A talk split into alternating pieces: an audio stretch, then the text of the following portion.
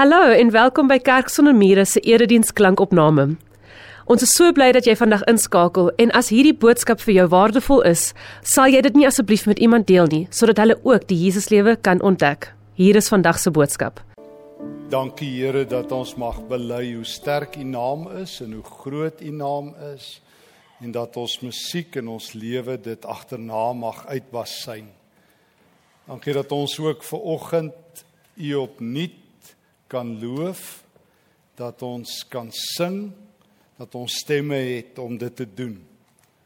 Dankie dat ons u ook kan uitnooi as die eregas en die gasheer ook in hierdie diens verder dat dit oor u sal gaan maar dat dit ook u sal wees wat die lewende brood breek asseblief ons vertrou u daarmee laat u naam geheilig word en verheerlik word en dat u koninkryk ook sigbaar word ook nou wanneer ons saam is in die naam van Jesus.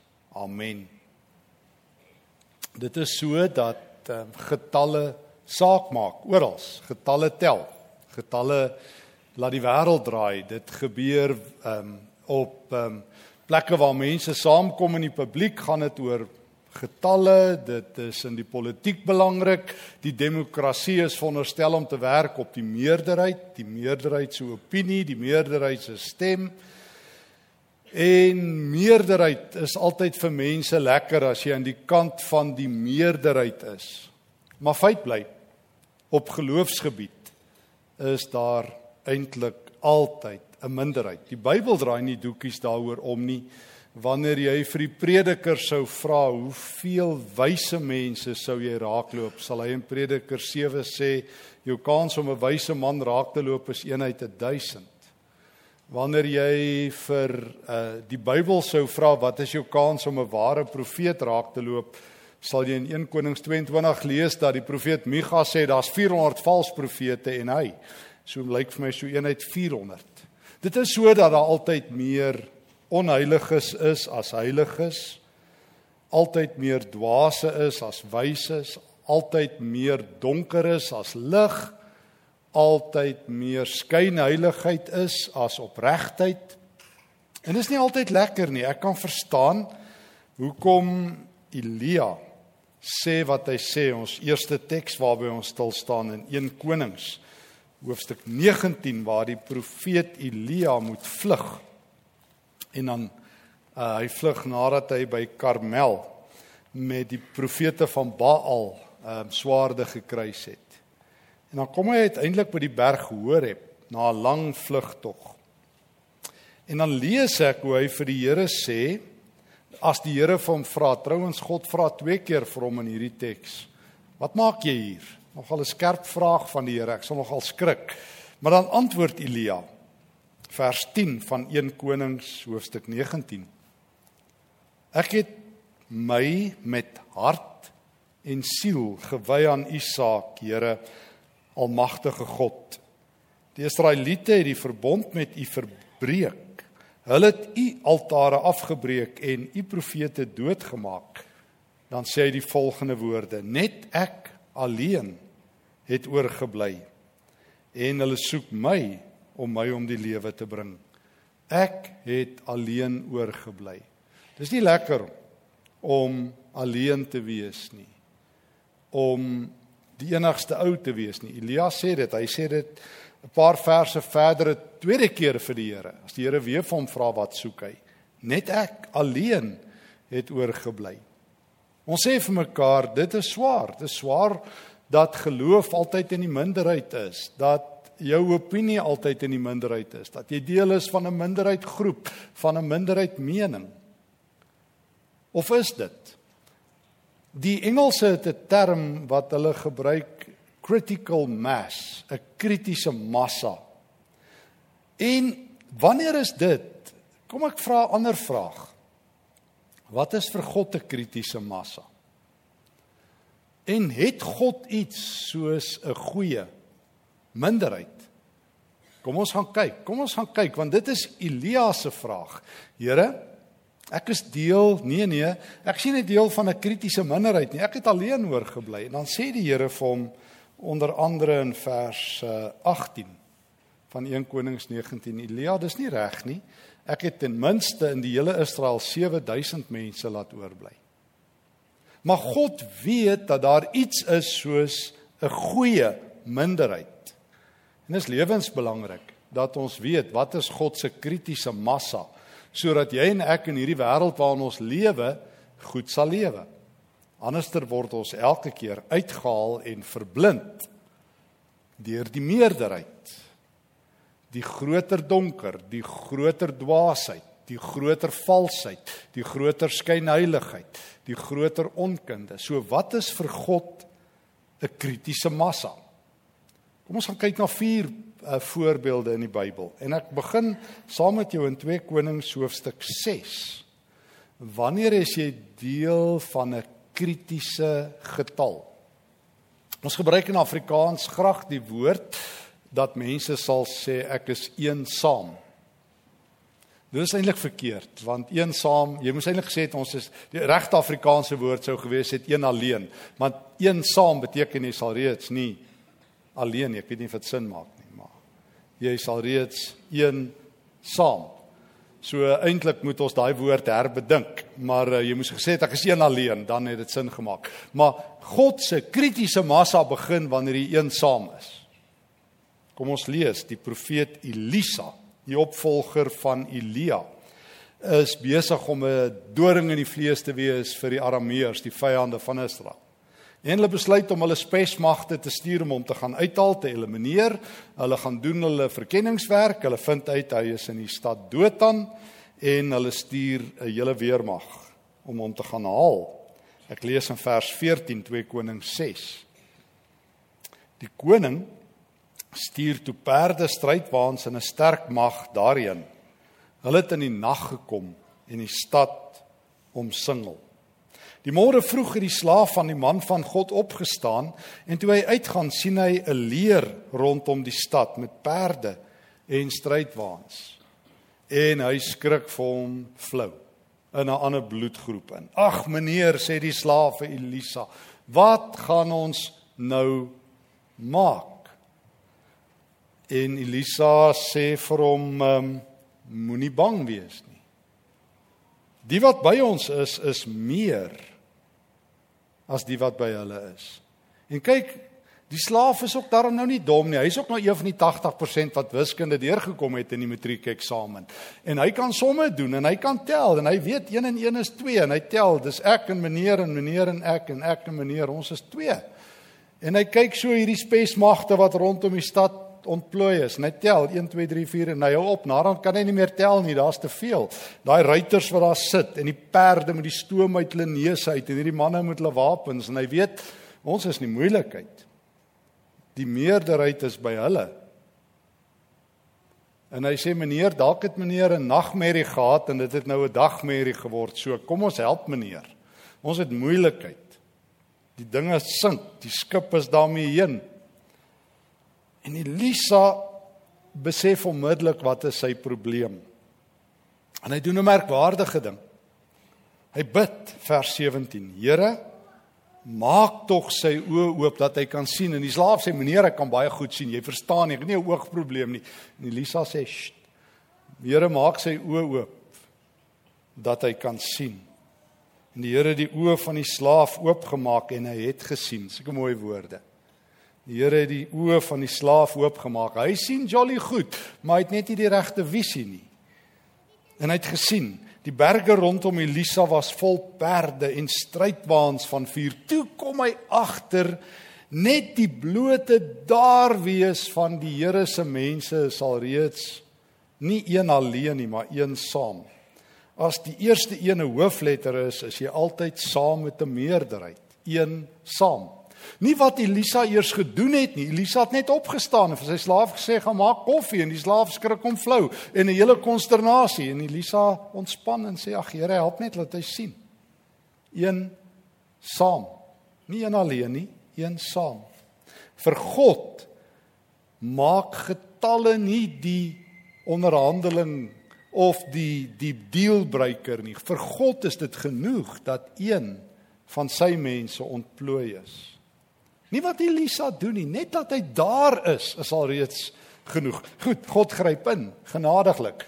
Maar baie kere gryp God ook nie eers in die in die sin van bonatuurlik nie. Dan sit Paulus maar in die tronk en dan's God nog steeds by Paulus en dan is hy nog steeds eensaam met die Here en kan hy nog steeds sy briewe skryf. So God is by sy mense. Jy is nie een alleen nie, jy is deel van 'n kritiese minderheid, maar 'n minderheid wat 'n geweldige effek kan hê. En dit is 'n lewensbelangrike ding om te verstaan. Dat dit vir God oor die regte getal gaan. Wanneer jy saam met die Here is, is jy altyd eensaam, nooit een alleen nie. En Elisa leer dit vir sy slaaf deur sy oë oop te bid. Tweede ene, tweede voorbeeld is net so 'n um, 'n stukkie terug as ons aansluit by Numeri. Wanneer is 'n opinie vir God 'n kritiese opinie? Wanneer maak jou opinie vir die Here genoegsaam saak? Want mens leef in 'n wêreld wat niemand se stem tel nie. Jy raak oorbodig, niemand luister na jou nie. Jy vra diens, niemand steur aan jou nie uh jy ma jy maak 'n opmerking en jou kinders of jou kleinkinders of iemand onderbreek jou ander ouens maak jou sinne vir jou klaar. Jou jy raak so half en half onsigbaar vir baie ouens. Hulle kyk deur jou hulle hoor nie. So wanneer tel jou opinie? Wat is vir God 'n kritiese opinie? Nommer 13 die bekende verhaal van Moses wat die verspieders na die beloofde land toe stuur stuur 12 ouens, een uit elke stam. Hulle keer terug met twee standpunte, 'n meerderheidsopinie en 'n minderheidsopinie. En gewoonlik as ons die weg van die demokrasie volg, dan luister jy na die meerderheid. Die land doen dit, selfs die kerk doen dit by synodes, die meerderheid wen. Altyd jy stem en die, die ouens wat stem is die regste, al is hulle nie. Maar hier's die punt. Nou kom hierdie 12 ouens terug En die meerderheidsverslag word nou afgelewer in Numeri 13 vers 17. Hulle het aan Moses gerapporteer en gesê ons het in die land gekom waarheen hy ons gestuur het. Dit loop oor van melk en honing, maar hier is die slegte nuus. Die mense wat in die land woon is sterk en die stede is versterk en baie groot en wat daarop volg. En dan kom Caleb en Joshua aan die woord. Hulle name word genoem, die minderheidsverslag. Caleb is die Hebreëus in Hebreëus die woord Kelef is die Hebreëse woord vir hond. So Caleb ehm um, en Joshua is aan die woord. Hulle het die mense stil gemaak en gesê ons moet beslis optrek en die land in besit neem want ons kan dit doen. En dan sê die ouens nee nee nee vers 31 hulle is groter en sterker en dan is daar 'n hele opstand want daar's niks so bang soos mense wat bang is nie. En hierdie inligting loop vinniger as wat Facebook dit kan hê. Die hele volk is opgesweep en hulle sê hier kom groot moeilikheid. Kom ons gaan terug Egipte toe. Moses wil vir hulle sê, onthou julle wat in Egipte gebeur het? Ja nee, maar ons sal liewers doodgaan daar op op death row sit dan ons dan nog styk eet as ons laaste ete. Maar hier in die woestyn gaan ons doodgaan. Maar na wie luister God? En vir wie wanneer gryp God in by die minderheidsverslag? Want God, as jy jou lewe met God se wil belyn, hoef jy nie deel van 'n meerderheid te wees nie. Beteken nie jy luister nie na ander mense nie, dit is ook dom. Maar dit beteken God tel nie koppe voordat daar 'n regte opinie is nie. Daar is nie hoe meer mense iets ondersteun, hoe meer is hulle reg nie, of hoe groter 'n kerk is of hoe groter 'n beweging is of hoe groter 'n sportspan is. God sê as jy met my belyn al is jy 2, 'n minderheidsverslag. Tel jou mening. En dit is altyd so. Jy onthou toe Jesus gekruisig word, die meerderheidsopinie is hierdie man is 'n dwaalleraar. Selfs die disippels vlug so bang is hulle. Hulle is so bang om hulle mening uit te spreek dat hulle vlug. En dis net die vroue wat die guts het om te bly by die kruis. Almal hardloop. En dan's daar een man wat 'n minderheidsopinie waag van almal. Hy hang langs Jesus aan die kruis in Lukas 23.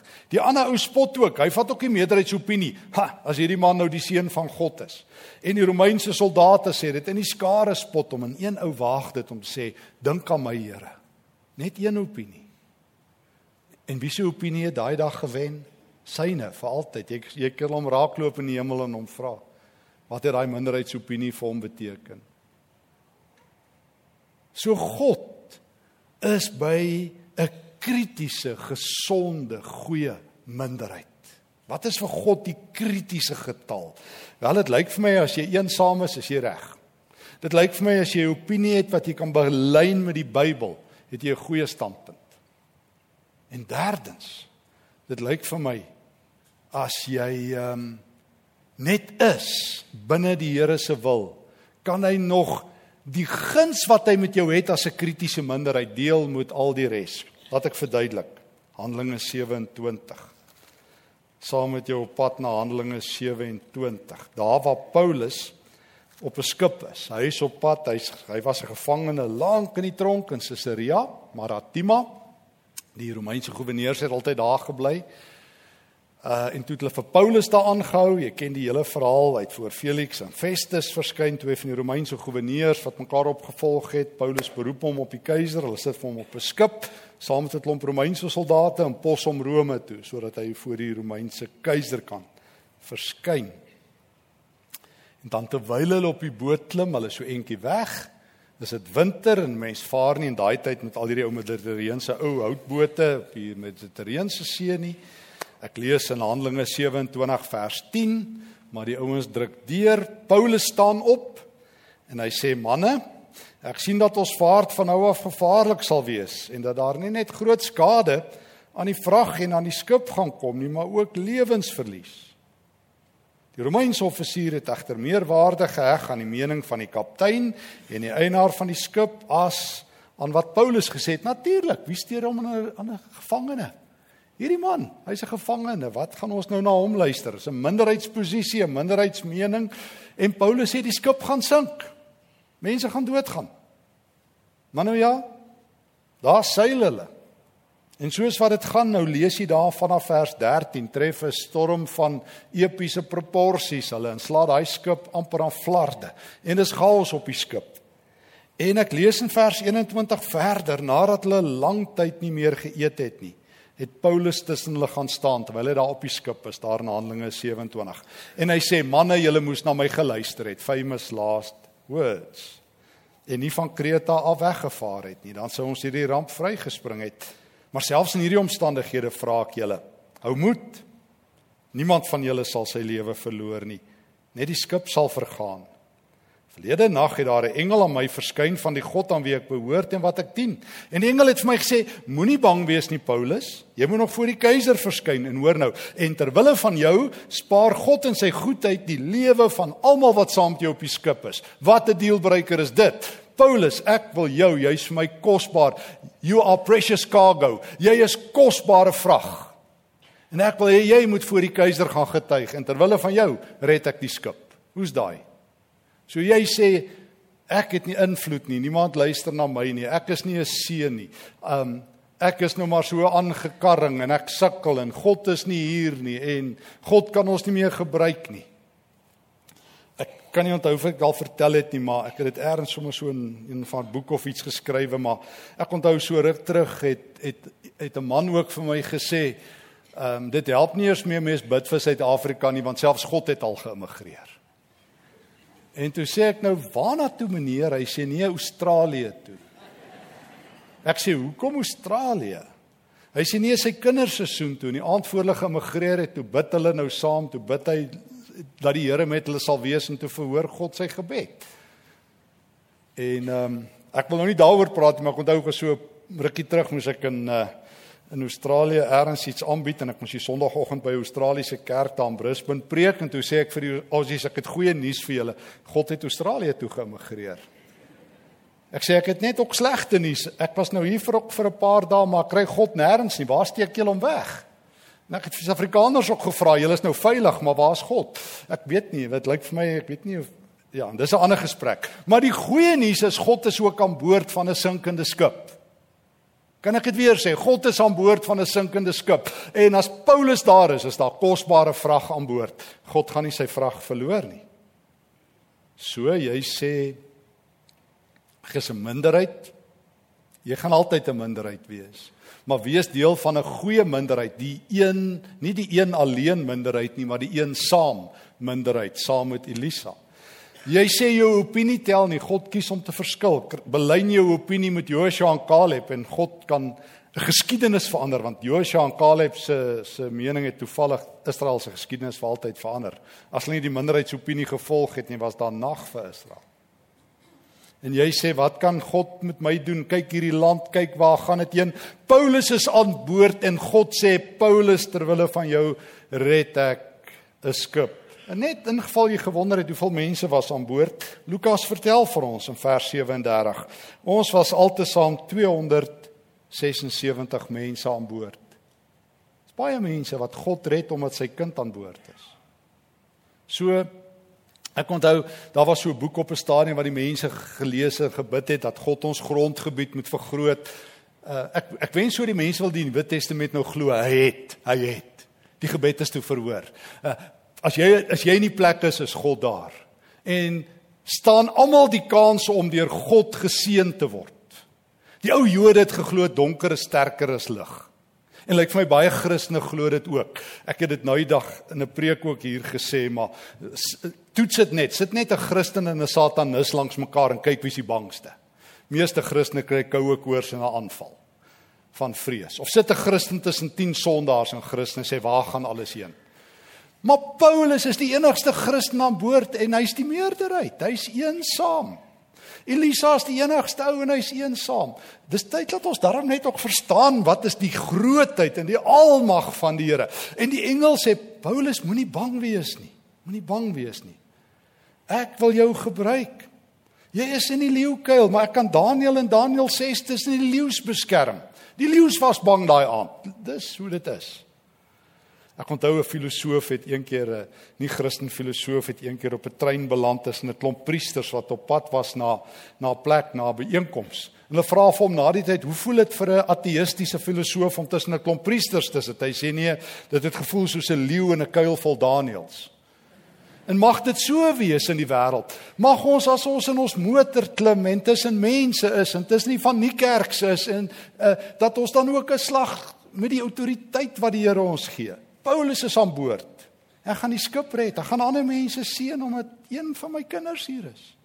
En as jy gedink het dis 'n uitsondering, gaan lees die storie van Josef in Genesis 39 en Genesis 40. Wat gebeur as Josef in die huis kom van Potifar? Dan seën God die huis van Potifar. Beteken nie is vir Josef maklik nie, dan die Potifar maak dat hy in die tronk beland. En wat gebeur as Josef in die tronk beland?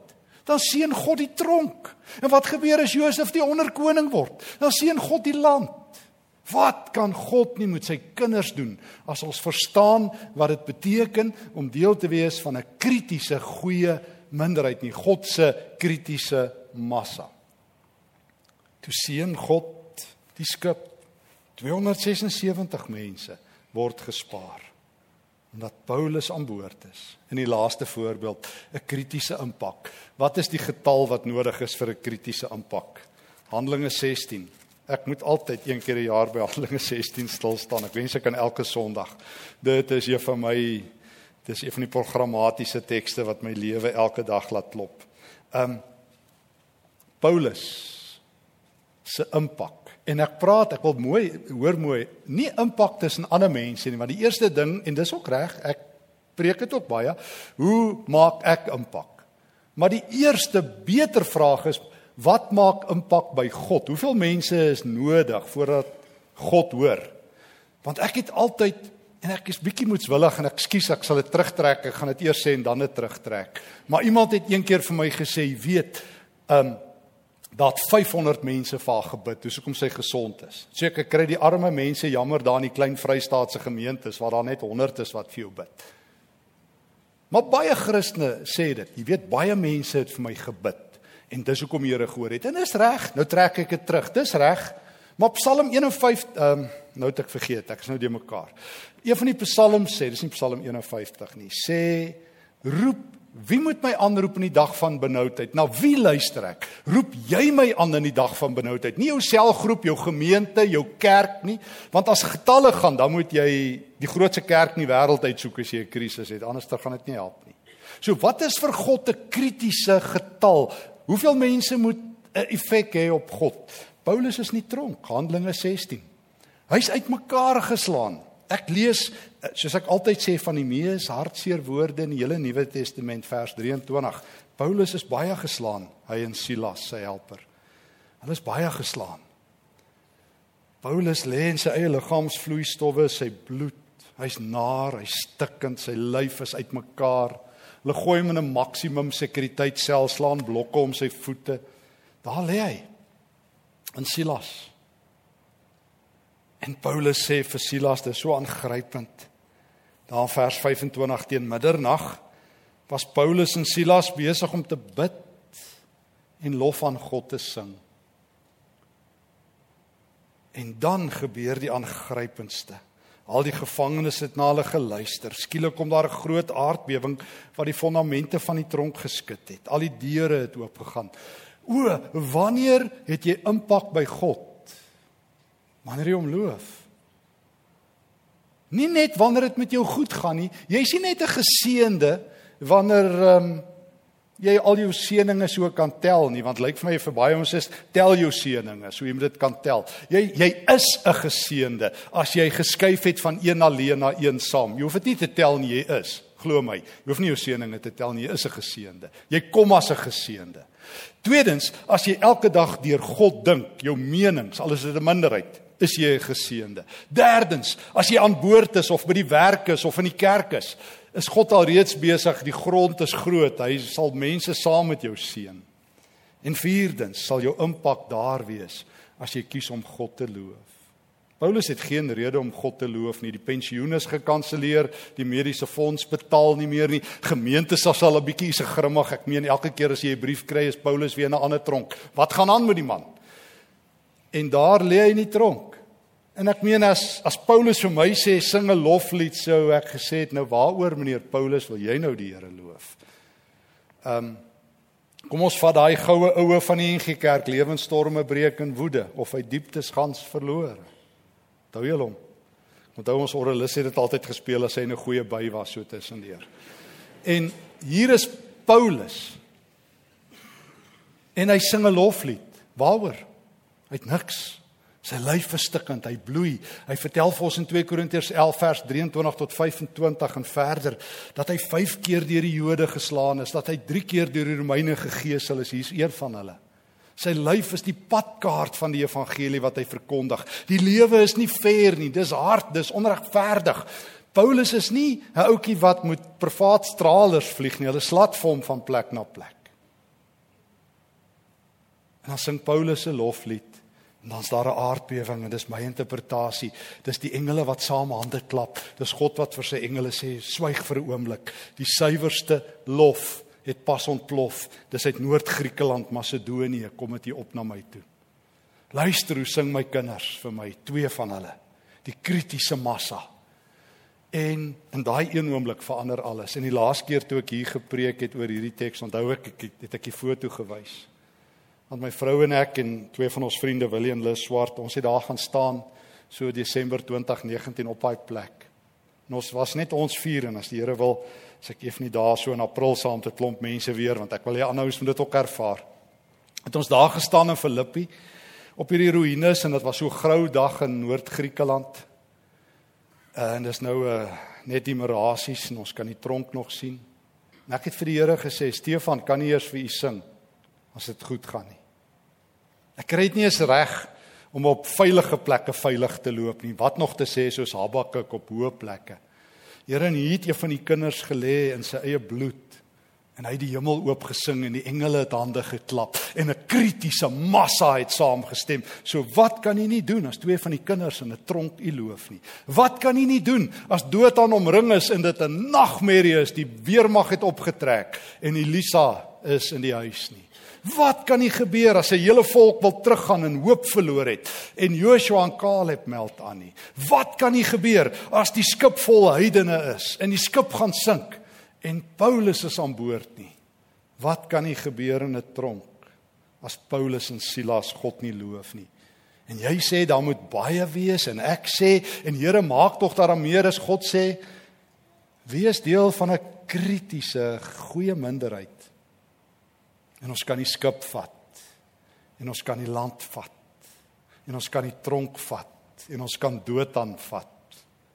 En selfs al vat ons hulle nie, soos Daniël se drie vriende sê as hulle in die oond gegooi word, selfs in Daniël 3, al vat ons hulle nie, sterf ons nogtans tot eer van die Here.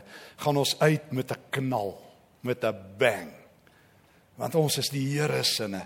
God sê ek sien my kind raak as hy op die skip is en as hy in die tronk is en as hulle in dood aan in lewensgevaar is en as hulle volk nie weet of hulle hoop het nie of hulle vorentoe of agtertoe moet gaan nie. O, hulle is nooit een alleen nie. Hulle is altyd eensaam. As die eerste een die hoofletter ek is. Nooit is hulle alleen nie. Altyd is ek by my kinders al die dae tot aan die einde. Ek verstaan Elia waarmee ons begin het. Elia wat vir die Here gesê het, Here, net ek het oorgebly. Dan sê die Here Elia, daar 7000, dis nie baie nie in die hele Israel. Ek het altyd 'n kritiese minderheid, moet jy nie bekommer nie. My kinders is oral. En ek sluit af. Ek ehm so 'n paar jaar terug moes ek iets sien in die groot stad Londen aanbied. En ek onthou die oggend was ek so bietjie home alone en ek het verlang na my vrou en kinders. Dit was 'n normale Londen dag, grou en vervelig en baie Engelse op op die trein. En soos ek op die afgaan op die tube, daai treinstelsel van hulle, sê ek vir die Here, dis hom ook nie regverdig nie. Dit lyk ook nie of hy een kind oor het in hierdie groot Engeland nie. En dit sal hom net lekkerder wees as jy 'n paar van hulle kan verander. En ek's nou maar net diklip. En soos ek afgaan sien ek hoe die mense ou stamp en jy lê maar so oor en ek sien deur onderloop so tannie met 'n groot tas en ek dink tannie mens moenie met 'n koffer dis nie Engelse wees nie. Dit's gevaarlik. Jy vat jou lewe in jou hande en die tannietjie balanseer en nou hoor ek dit so dop soos ons afgaan en ek sien hoe stop so 'n jong man by die tannie en hy vat haar tas en ek dink o, daar gaan hy. Sit Suid-Afrika was hardloop hy. Nee, maar hy vat haar in die trein in en daar's hulle op die trein en dis vol. En soos dit is, is ek ook kry ek 'n plek en en dis vol in daai tyd van die oggend. Dis so vol dat party Engelse soos ek my kop draai dan maak hulle hemde my bril vir my sommer gratis skoon. So en ek, ek en ek kyk so tussen my en ek hou so aan die pyp vas en ek sien hier staan die ouetjie, ouetjie van kleur wat die tannie se tas opgetel het. En ek sien hy staan so met 'n boek en ek kyk so die boek soos die trein wieg en ek sien hy lees 'n Christenboek en ek sê My goodness gracious, ek sê, "Sir, are you a Christian?" Hy sê, "Of course, I'm a follower of Jesus." En ek sê, "Here, hier's die kritiese minderheid op die treinstasie. Hierdie ou het gedoen, almal gaan verby. En ek dink hoe sleg is Engeland en hier stop hierdie een ou, u kind. En hy doen wat Jesus doen. Hy tel hy tannie se tas op en hy help haar. En ek weet God se mense is oral. Hy het nog 7000 gelos. Ook in Australië. God is daarom nou nie net daar nie. Moenie nou nie bekommerd nie. Hy hy's op daarom daar. Ehm um, Maar God is ook in Suid-Afrika. Hy's in Dothan. Hy's um, in Filippi. Hy is in die woestyn. Hy's oral. God is by sy kritiese minderheid. Glo die woord van die Here. Amen. Ek weet ek moet dit oor en oor vir myself bid en ek wil dit graag saam met jou bid. Ek wil toe Elisa gebid het, Here, maak my slaaf se oë oop dat hy kan sien. Toe weet ek dis die gebed wat Stefan elke dag hierdie jaar moet bid. Mag ek dit saam met jou bid. Here, maak my oë oop dat ek kan sien. Ek sien moeilikheid, ek sien tekort, ek sien probleme en dit is daar. Ek sien 'n oormag, ek sien die arameërs wat op ons afstorm. Ek sien die reuse wat voor ons staan, geen oplossings nie. Here, ek ek het nie die oë van Elisa nie. Ek het nie die hart van Joshua en Caleb. Ek sit op die skip wat sink en ek ek het nie die geloof van Paulus nie. Ek is in die tronk en ek lê en ek het nie lofliedere nie. Ek sing klaagliedere. En dan wil ek vra saam met Elisa, maak oop my oë, Here, dat ek kan sien u teenwoordigheid. Here, en verander my opinie dat ek u opinie sal hê. Ja, daar's moeilikheid. Maar saam met die Here is ek nie een alleen nie, maar een saam en sal reuse pad gee. En Here, ja, die skip sink op plekke, maar U sal die skip red omdat ek aan boord is. En partykeer, partykeer is ek in 'n tronk van benoudheid. Nou wil ek net uitroep: Loof die Here, o my siel.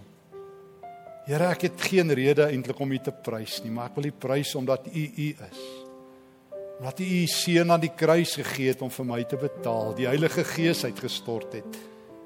En vir my 'n feesplek gereed maak. Ek loof U, Here. Dankie dat ek nie een alleen is nie, maar een saam met die Here. Dankie dat U my oë elke dag meer en meer sal oopmaak om die Here te sien, die magtige teenwoordigheid van die Here wat my omring. Ek dankie dat U die hoorder is van my gebed in Jesus naam. Amen.